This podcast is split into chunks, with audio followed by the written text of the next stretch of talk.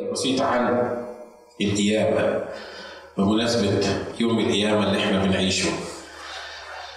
آه زي ما قلت لكم وبكرر مرات كتيرة إن إحنا مش قادرين نعرف بالظبط القيامة دي عملت إيه في حياتنا، إمبارح كنا بنتكلم آه في دقايق قليلة عن الصليب واللي عمله الصليب في حياتنا، النهارده عايزين نتكلم عن القيامة بسرعة. والصليب والقيامة عامل زي جناحين الطائر. الطائر ما يقدرش يطير بجناح واحد مش كده؟ شفت طائر عنده جناح واحد وبيعرف يطير بيه؟ مش ممكن.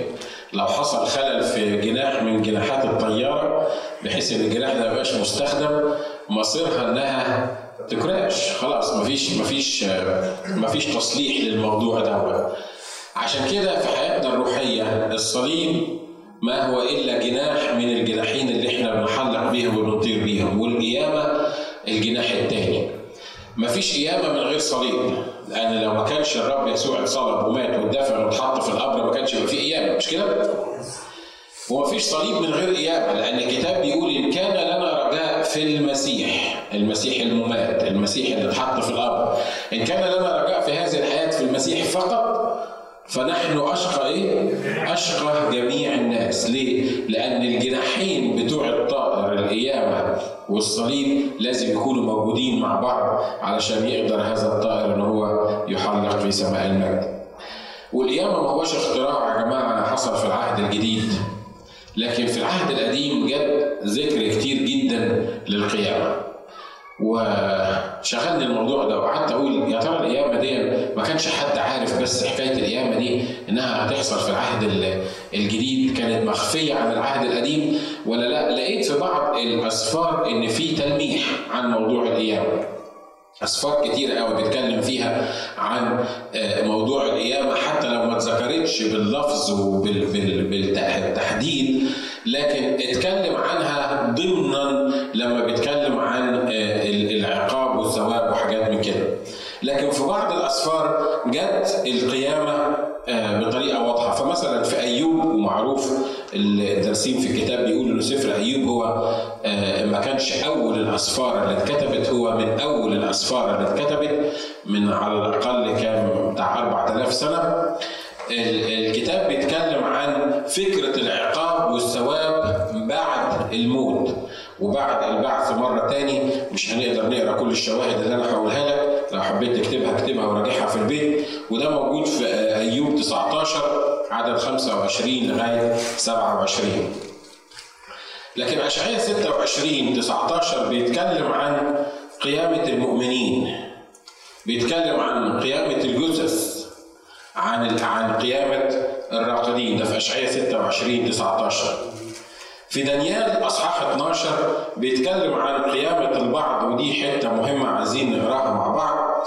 في سفر دانيال وأصحاح 12 بيقول الكلمات دي. طلع معايا دانيال أصحاح 12 وعدد 2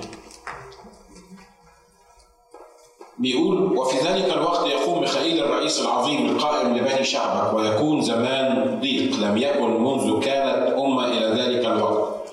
وفي ذلك الوقت ينجى شعبك كل من يوجد مكتوبا في السفر وكثيرون من الراقدين في تراب الأرض يستيقظون. يستيقظون يعني يقومون. مش كده؟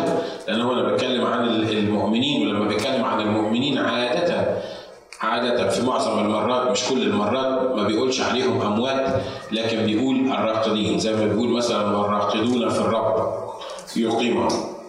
وكثيرون من الراقدين في تراب الأرض يستيقظون هؤلاء إلى الحياة الأبدية وهؤلاء إلى العار للإزدراء الأبدي. يعني واضح إنه في حاجة اسمها إن الراقدين أو الراقدون يستيقظون يصحوا مرة تاني. الكلام ده كان الرب عطيه مين؟ عطيه لدانيال.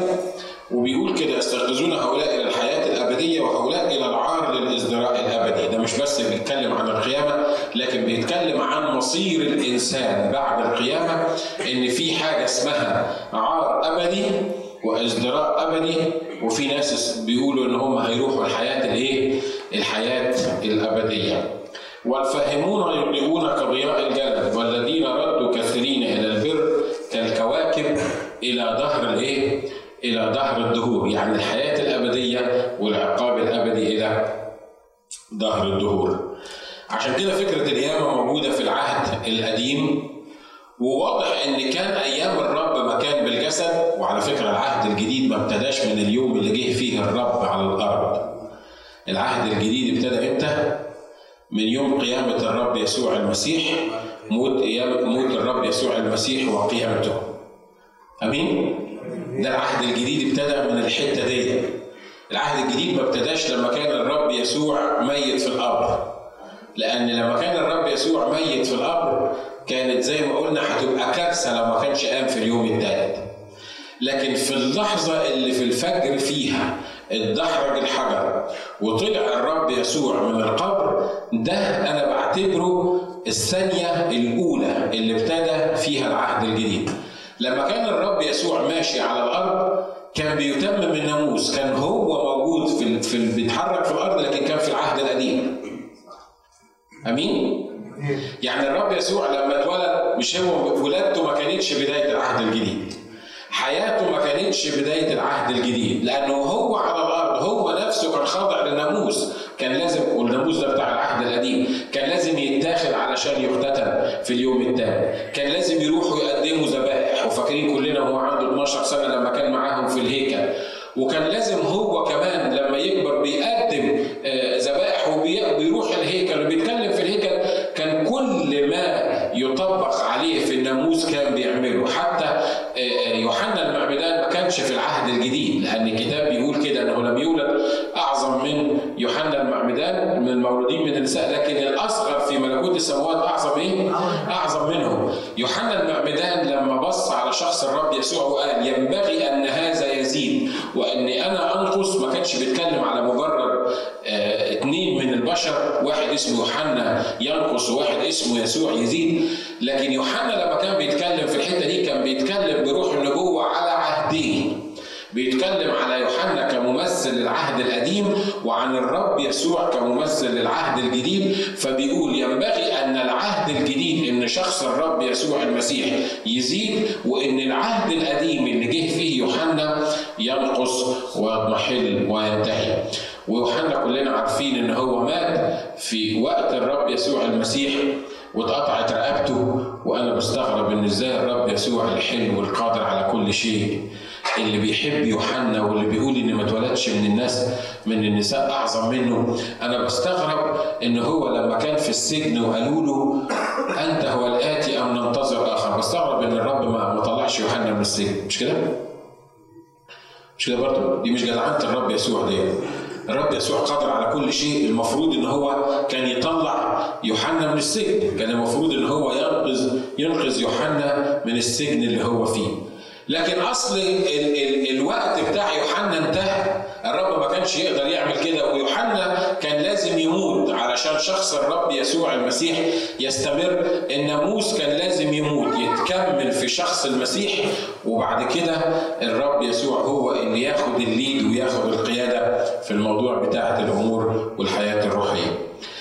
عشان كده العهد الجديد ابتدى من يوم القيامة من يوم ما قام الرب يسوع المسيح من الأموات. من ساعة ما اتدحرج الحجر من ساعة الختم بتاع الدولة الرومانية ما اتكسر فكر في كل الحاجات اللي أنا بقولها دي. وأنت هتلاقي نفسك غصب عنك لازم تقول هللويا. أمين؟ مش ممكن هتقعد نايم. مستحيل هتقعد نايم. حتى لو كنت سهران طول الليل. عشان عارفك أنت سهران طول الليل وجاي نايم وأنا بتكلم عن واحد معين دلوقتي. خلي بالكم أنا لما بتكلم عن واحد معين بقول أنا بتكلم عن واحد معين. لو قلت ما بكلمش عن حد ما بكلمش عن حد أمين؟ مجدا للرب. مجدا للرب. مجدا للرب. خلاص عرفنا. الناس بيقولوا لنا حوالينا بيقولوا لنا إن الصليب ده مش موجود. والقيامة مش موجودة زي ما كنا بنتكلم المرة اللي فاتت، القيامة ما بيجيبوش سيرتها خالص، ليه؟ لأنه لما يلغي الصليب، لما يقول ما صلبوه هم قتلوه ولكن شبه لهم، بالتالي بيقول إن ما كانش اتصلب يبقى ما قامش. لأنه هيقوم منين لو هو ما اتصلبش، عشان كده ما بيجيبوش سيرة القيامة تماما.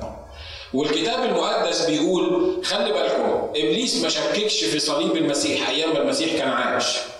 مش كده؟ ما شككش في صليب المسيح. ليه؟ لأنها حادثة موجودة حصلت قدام كل الناس.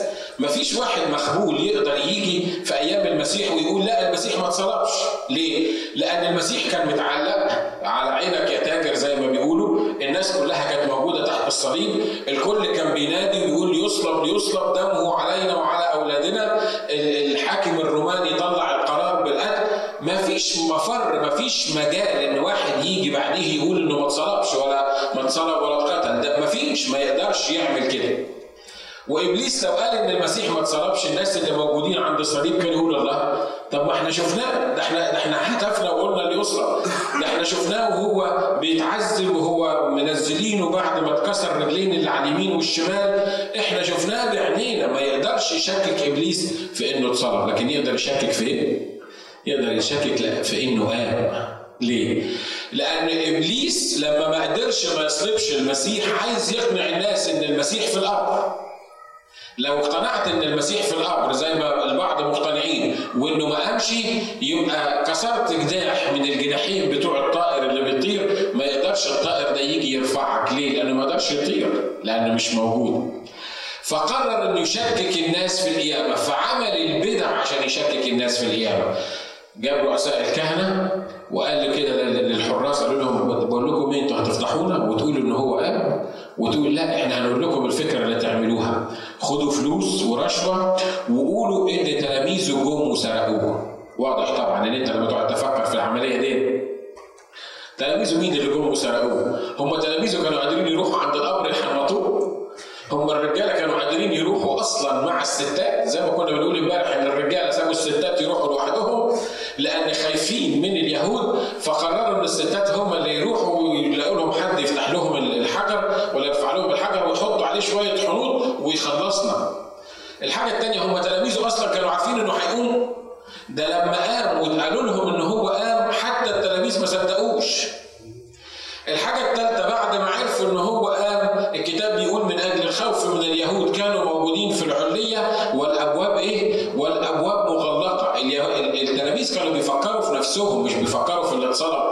بيقول لك مات خلاص مات انتهى لكن إحنا اليهود ممكن يجوا ورانا إحنا كمان ويجوا يعملوا معانا يتعبونا زي ما تعبوا الرب يسوع لما كان على الأرض.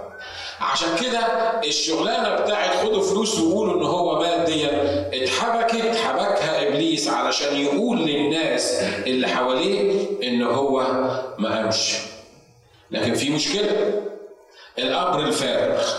الموجود ودي من أهم الأدلة على القيامه القبر الفارغ ده يعملوا فيه إيه؟ اليهود خلي بالكم حسب ما هو مذكور في الكتاب قالوا الحاجات الكلام ده للحراس خدوا فلوس وقولوا إن هو اتسرق.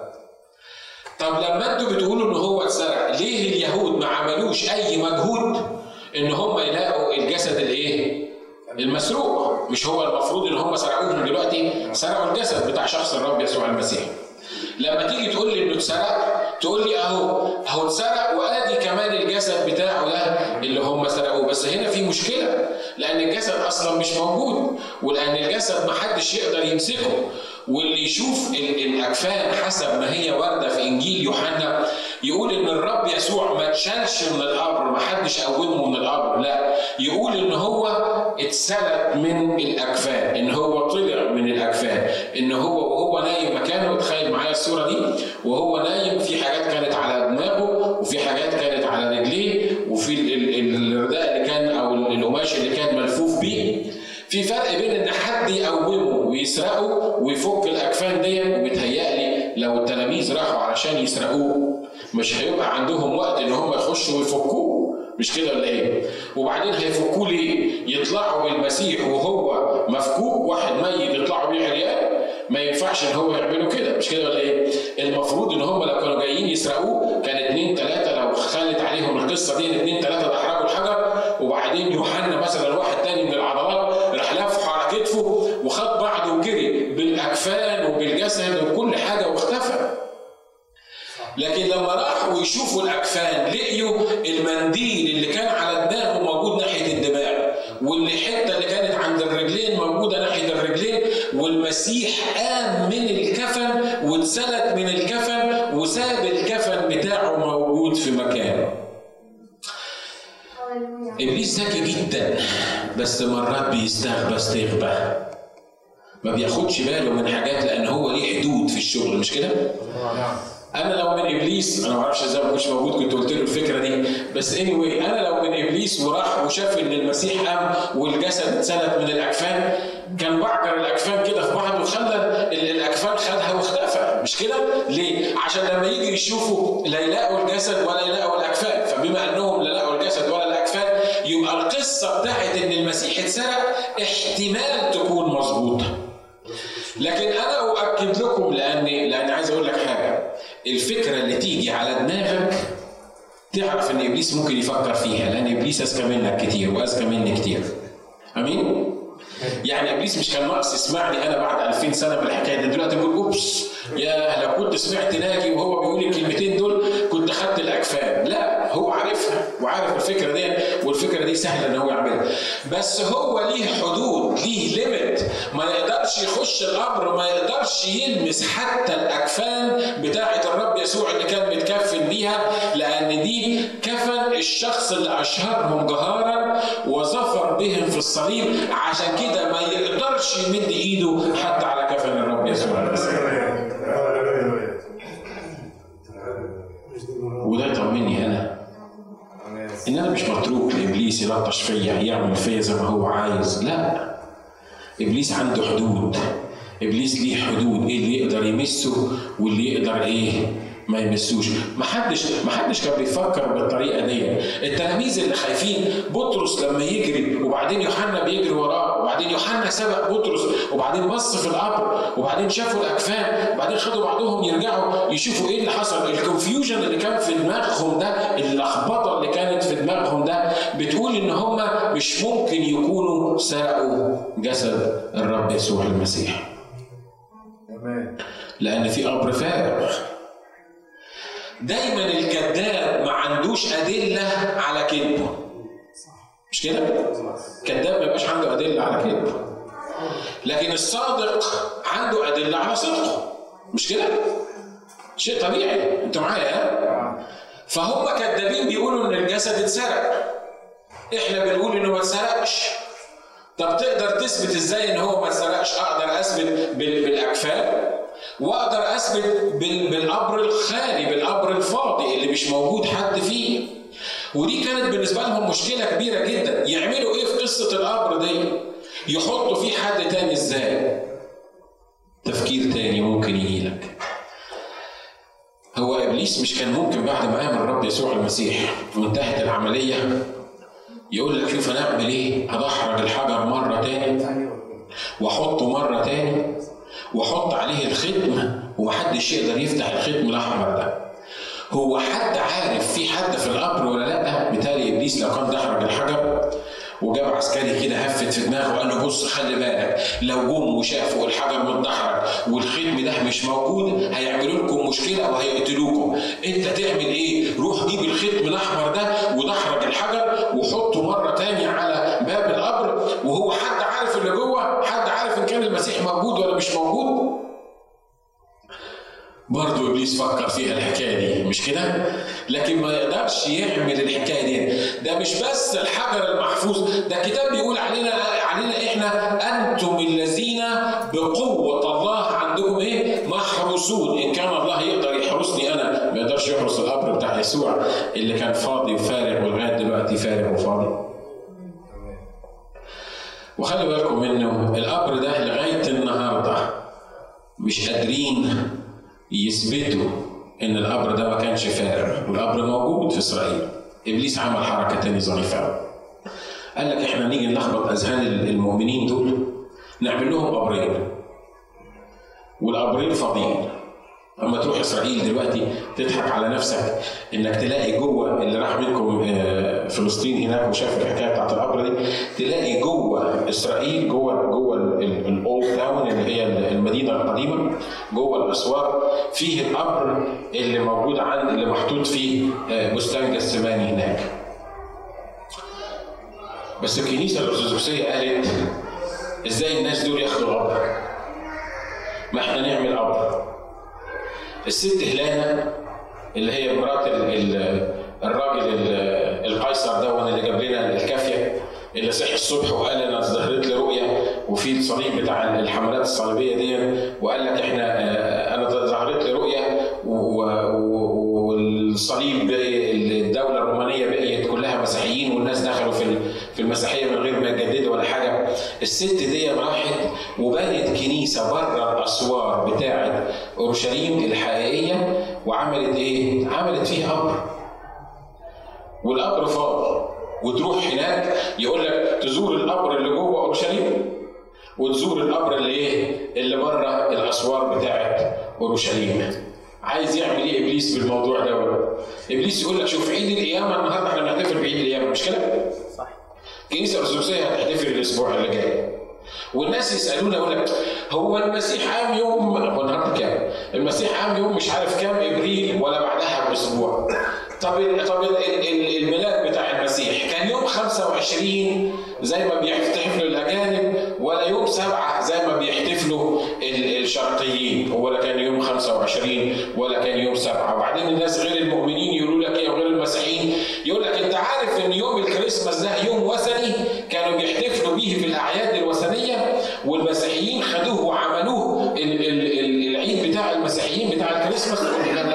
تقولش الكلام ده ما تقولش الكلام ده ما تلخبطناش ده يوم 25 ده إحنا عمالين نحتفل فيه على أساس إن هو آه الكريسماس لا يوم 25 ده عيد وثني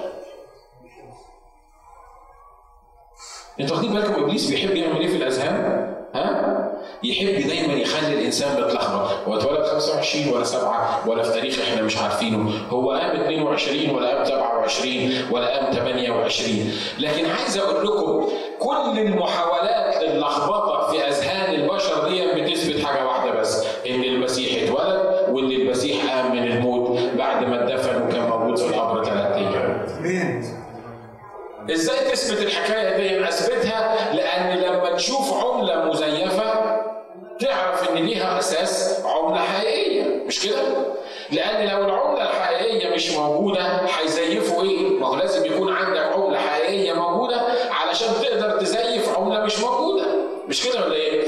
علشان تقدر تعمل كونفيوجن في أذهان الناس على الصليب يبقى لازم يكون عندك صليب علشان تقدر تلخبط الناس في القيامة يبقى القيامة الحقيقية كانت موجودة وقامت وأنا ما يهمنيش اليوم اللي قام فيه المسيح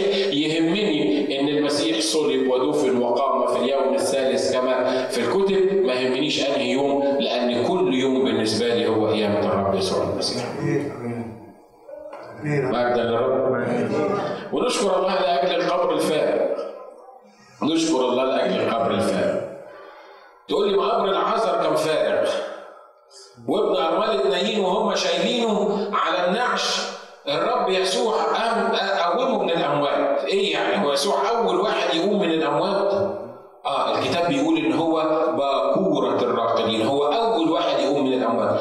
إزاي وابن ارمله نايين هو قام قبل ما المسيح يموت والمسيح اللي قومه وازاي والعهد القديم اليشع مش قوم ابن الست الشوناميه إزاي يعني؟ ما هو في ناس قاموا قبليه. خلي بالكم.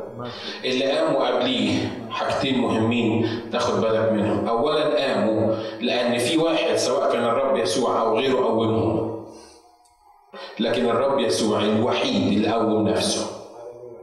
في واحد ميت يقوم نفسه. أصل الكتاب بيقول أنا حي إلى أبد الأبدين. حكاية مات دي حكاية مات دي آه صحيح هو مات. لكن خلي بالك وهو ميت. ال ال الابن ما انفصلش عن الآب. الاقنوم الثاني ما كانش مسكين ميت. دلوقتي كان في اقنومين بس واحد اسمه الاب وواحد اسمه الروح القدس. طب والثالث راح فين؟ الثالث مات. حصل مع الجسد بتاع شخص الرب يسوع المسيح. هو اللي اتحمل الألم وهو اللي اتحمل الايه؟ المعاناة. ولما تروح آه، إسرائيل من غير ما من غير ما تقصد. باي في في شرايط عن القيامة والقبر آه، لو حبيت تسمعها. تبقى تقول لنا وإحنا ندي لك نسخة منها موجودة عملناها في الاذاعه لما تبص للقبر هناك تلاقي بالظبط أوصاف المكان الكلام اللي بيقوله الكتاب تلاقيها موجودة في إسرائيل. فالكتاب مثلا بيذكر إن القبر بتاع شخص الرب يسوع المسيح كان محفور في الحجر مش كده؟ الاب اللي عملته طنط هلانة مش محفور في الحجر ده ده محطوط كده طالع في في, في حتة لوحده كده. ما خدتش بالها هي من الحتة دي. لو خدت بالها كانت حفرت لها. الحاجة الثانية بيقول الكتاب إن بطرس لما دخل دماغه علشان يبص في في القبر دوت نظر لليمين. عارف ليه؟ لأنك لما تروح القبر بتاع إسرائيل ملوش شمال. القبر بتاع إسرائيل مش بس محفور في الحجر لكن القبر بتاع إسرائيل لما تبص له كده من الباب تلاقي الناحية الشمال دي مقفولة كل القبر موجود الناحية اليمين. بيتهيألي ما كانش قصده يعني إنه يوصف القبر لكن الروح القدس كتب حاجات دقيقة عشان يفهمنا بغض النظر عن هو القبر اللي موجود جوه الأولد تاون ولا اللي بره الأولد تاون إن القبر كان موجود وإن أوصافه لسه موجودة لغاية دلوقتي. بيقول لك إن القبر ده كان موجود في بستان لغاية النهارده لما تروح تلاقي بين بين القبر وبين المعصرة اللي كانوا بيعصروا فيها العنب مش أكتر من هنا لغاية الباب الأبيض بتاعنا اللي موجود ده. ده كان فيه بستان وكان فيه كرم موجود. الأعظم من كده إن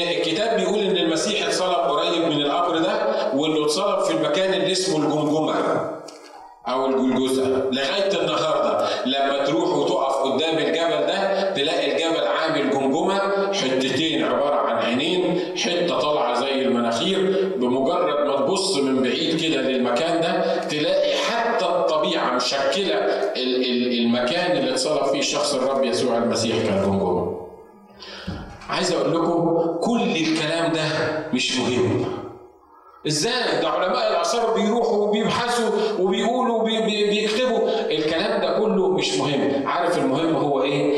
إن أنا صدقت إن المسيح اتصلب واتدفن وقام في اليوم الثالث وبناء عليه حياتي أنا اتغيرت ومحدش يقدر يشككني في اللي حصل معايا ابدا من خلال قصة الرب يسوع. يبقى القبر يمين ولا القبر شمال؟ القبر موجود. ولا مش موجود. أنا مش بتكلم عن حجر لكن أنا بتكلم عن قلب كان حجري زي ما قال الكتاب واتاخد القلب الحجري وأعطي قلب إيه؟ وأعطي قلب لحم آمين؟ لكن ستيل نشكر الله لأجل القبر الفارغ لأن قبر الرب يسوع المسيح الوحيد هو اللي فارغ هو اللي فارغ. مش كده؟ كل الرسل والأنبياء معروف زي ما قال الكتاب واضح إن هو قبورهم موجودة. واللي قبره مش موجود. الكتاب قال لنا عنه ان هو طلع على الجبل ومات والرب دفنه ومحدش عارف القبر بتاعه.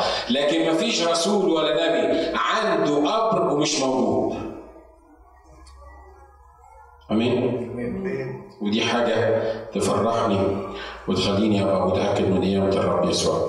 الحاجة الثانية إن الرب يسوع بعد ما قام ظهر لتلاميذه. حاجة اللي تأكد لي القيامة إن الرب يسوع ظهر. لو كان الرب يسوع ما ظهرش لحد خالص خالص ولا تلاميذه وقام من هنا لله الآب. كان ممكن القصة دي تبقى فيها شك في الموضوع ده.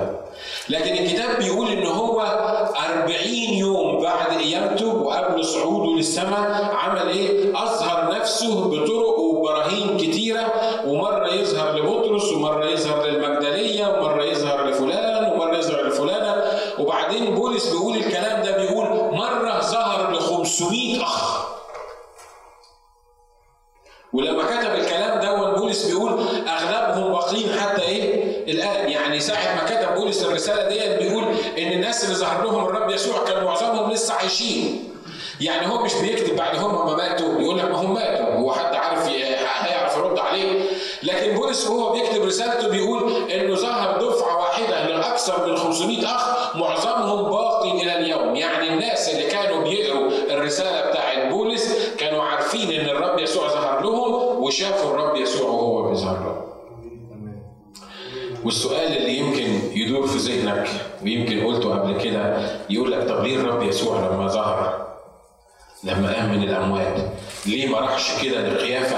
أنا لو منه كنت أروح لقيافة وهيرودس قال لهم يا أولاد الذين اللي حكمتوا عليا وحطيتوني في وحطيتوني في القبر ودفنتوني. وأنتوا فاكرين إن أنا إنسان عادي. أنا قمت من الأموات أهو وأنا ظاهر لكم. ليه؟ ليه الرب يسوع ما راحش لهيرودس وما راحش لقيافة وما راحش لرؤساء الكهنة وما راحش للناس اللي كانوا عمالين يهتفوا يقولوا ليصلب ليصلب دمه علينا وعلى أولادنا.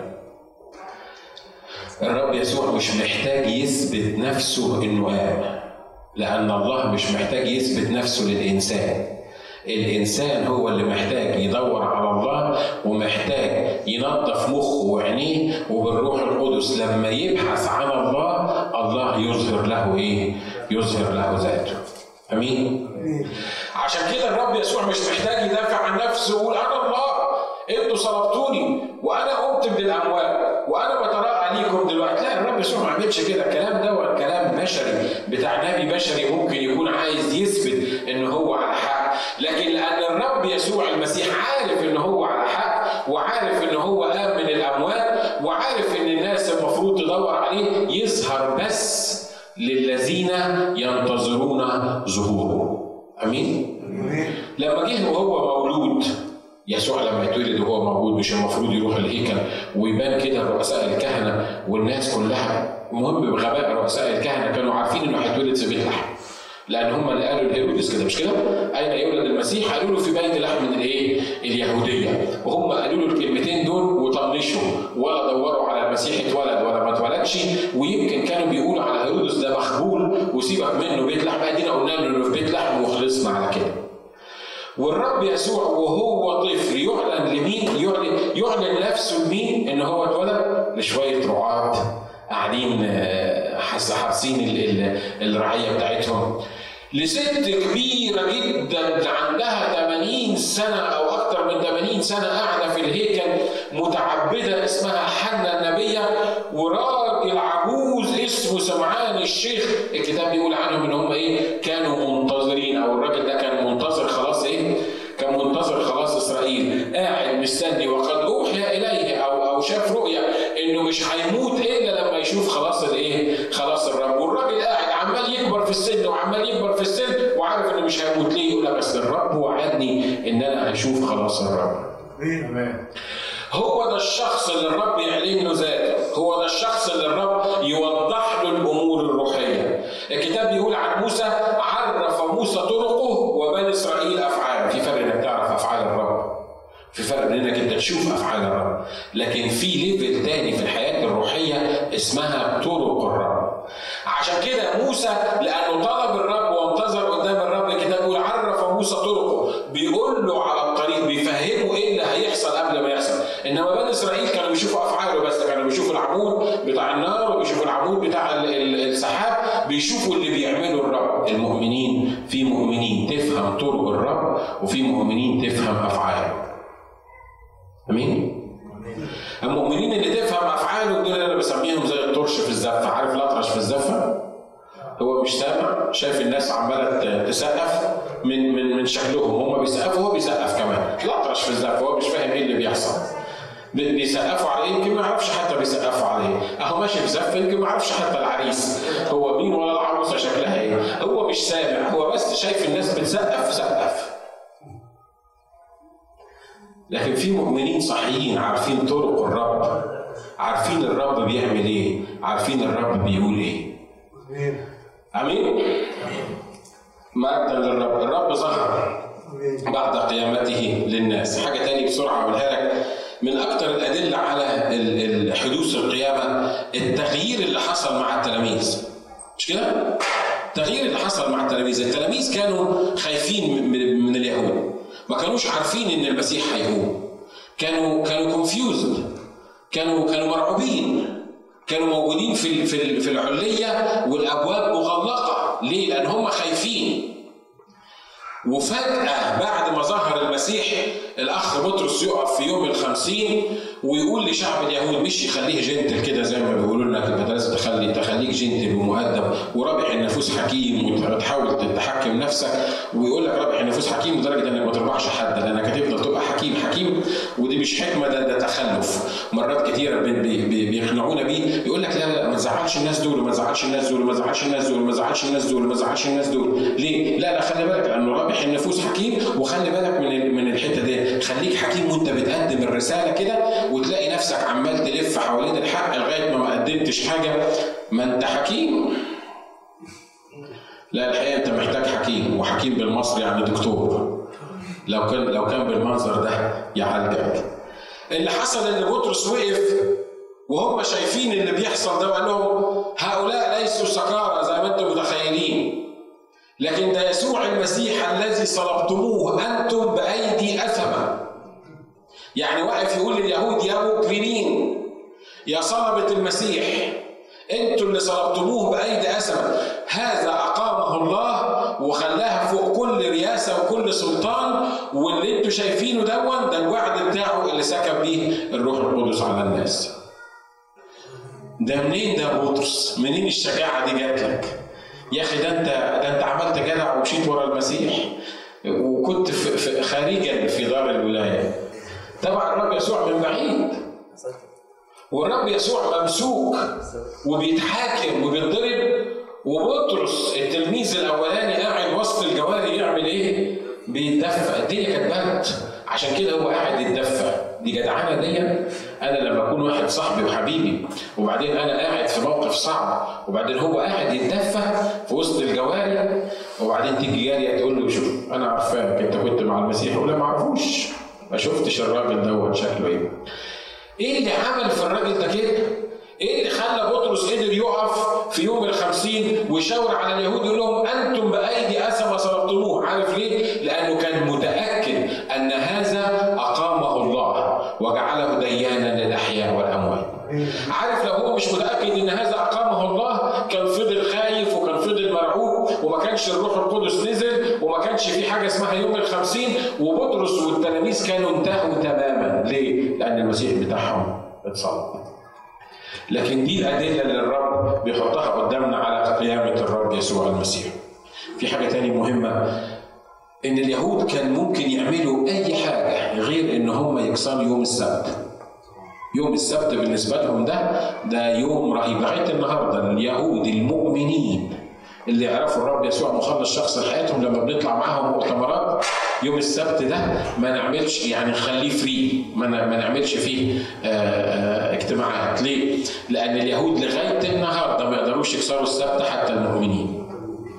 إيه اللي اخترع الاختراع بتاع يوم الحد ده؟ اشمعنى دلوقتي بقيت الكنيسة يوم الحد وإن إحنا ما بنحفظش يوم السبت؟ عارف ليه؟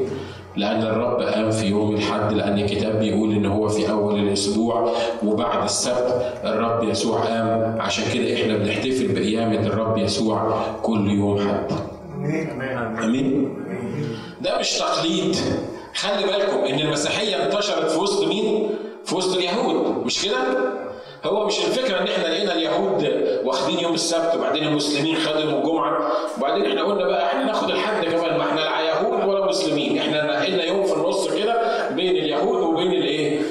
لا القصة القصة مش كده القصة مش كده القصة أن المسيح قام لما أقول لك المسيح قام تقول إيه؟ مش كده؟ اللي متأكدين منه إن المسيح قام قام إمتى؟ قام يوم الاحد عشان كده بنحتفل كل يوم حد يا ترى أنت بتحتفل كل يوم حد؟ ها؟ ولا يوم الحد ده بالنسبة لك يوم متعب ويوم مرهق. ومش عايز تيجي بالليل عشان تلعب كورة ومش عايز تيجي الصبح علشان صحوك متأخر ومش عايز تيجي مش عارف في يوم الحد ده بالنسبة لك بردن ها؟ وانت جاي الكنيسة فرحان بتبقى فرحان لأن لأن المسيح قام يوم الأحد. ولا يوم الأحد ده بتقول يا ده اليوم أهو الحد رجع تاني وهنبص في وش القسيس ربنا يتلفاه المسيح. قام آمين. الكتاب بيقول اذا لإيه؟ اذا لنعيد لأن فصحنا المسيح الذبح. اذا لنعيد لنفرح لنهتف لنرقص لنعيش في النصرة ونعيش في قوة الرب يسوع المسيح. آخر حاجة أقولها لك وأنا طولت عليكم. طولت عليكم؟ هو ده هو ده بس كانت مقدمة الخدمة لكن حاجة أكلم كملها بنعمة الرب في في العيد اللي جاي. بولس الرسول بولس الرسول قال له حاجة مهمة جدا في رسالة فيليبي وأصحاح ثلاثة وعدد عشرة. بولس الرسول في آخر أيامه بعد ما خدم الرب بعد ما تعب بعد ما عمل بعد ما راح وبعد ما جه وبعد ما جرى وتعذب اقرأ معايا الكلمات دي في فيليب ثلاثة لأنها كلمات مهمة جدا.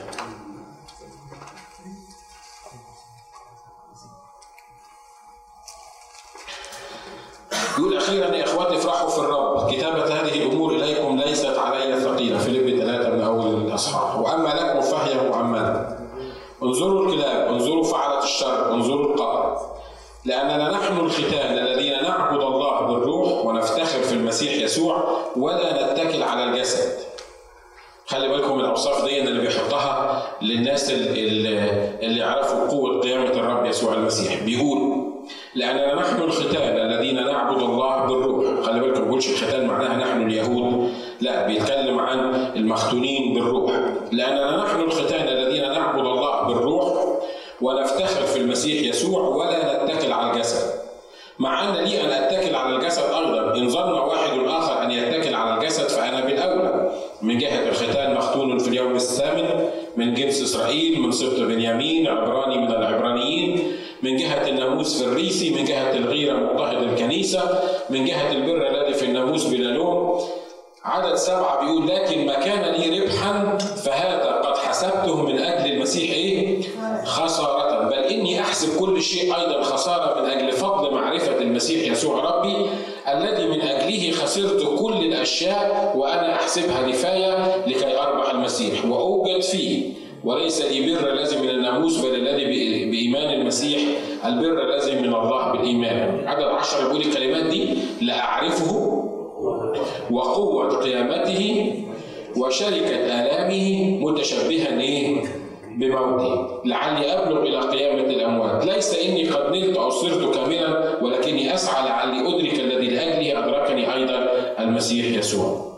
خلي بالكم الأخ بولس في آخر أيامه بعد ما تعب لأجل المسيح لسه راجع في فيليبي 13 بيبتدي كأنه لسه من أول وجديد يقول الكلمات دي بيقول لأعرفه وقوة قيامته وشركة آلامه متشبها إيه؟ هو أنت يا بولس كنت لسه ما عرفتوش. لغاية دلوقتي أنت ما كنتش عرفته.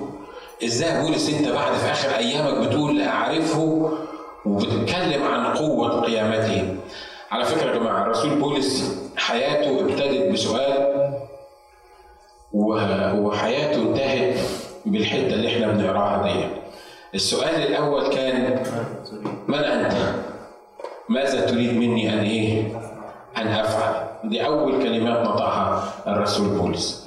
وبعد كده ابتدى يتكلم عن في الحتة دي عن أعرفه وقوة قيامته وشركة ألم. يعني الرب يسوع الرسول بولس عاش عايز يعرف الرب يسوع وعايز يعرف خطة الرب يسوع ليه من أول يوم اتقابل معاه الان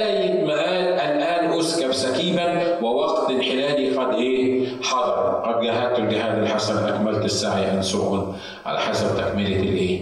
الايه وده اللي أنا عايز اسيبه معاك النهارده في حاجة اسمها قوة قيامة الرب يسوع المسيح. أمين؟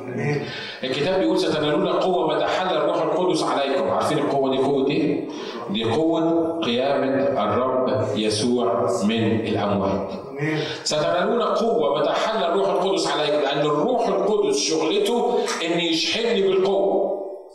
أنا ما أقدرش أشحن نفسي أنا ممكن أشحن نفسي بس ببقى عامل زي عارف البطارية الخربانة.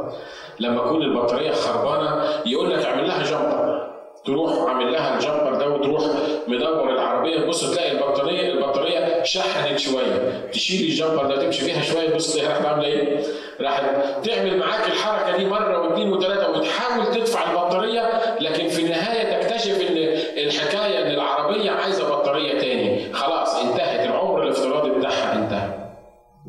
لما بحاول أنا وانتوا نشحن نفسنا بالقوة بنبقى عاملين زي البطارية الخربانة. دي عايزين أي حاجة تدفعنا ترنيمه نتعزى فيها. وعظة حلوة. أه حاجة سمعناها كتاب قريناه. تحس إنه شحنني قوة كده لكن بعد دقائق ولا بعد ساعات ولا بعد أيام ابتدت العملية تضعف مرة تاني. لكن عايز قوة حقيقية تخليك تفتت الديناميت زي ما بيقولوا. الكتاب بيقول ستنالون قوة. إمتى؟ متى حل الروح القدس عليكم وتكونون لي إيه؟ شهودا. القوة اللي اداها لك الروح القدس لأن هو بيشهد للرب يسوع وعن قيامة الرب يسوع يدي لك قوة قيامة الرب يسوع المسيح العجيبة بقى. تبقى أنت الجمبر اللي أو أنت البطارية اللي بتشحن غيرك بالقوة دي لأن الكتاب بيقول إن اللي آمن بيه تجري من بطنه أنهار ماء